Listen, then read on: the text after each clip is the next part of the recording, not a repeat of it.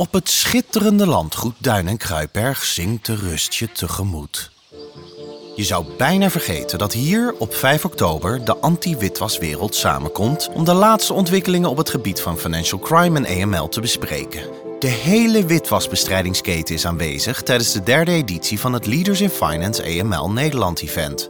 Financiële instellingen, toezichthouders, regelgevers, opsporingsinstanties en de wetenschap.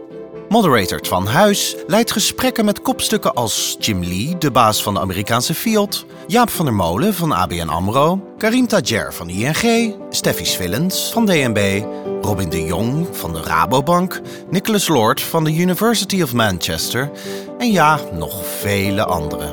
Vind je het leuk om daarbij te zijn? Dan vind je alle informatie over het programma, tickets en de lunch op leadersinfinance.nl onder events. Graag tot 5 oktober.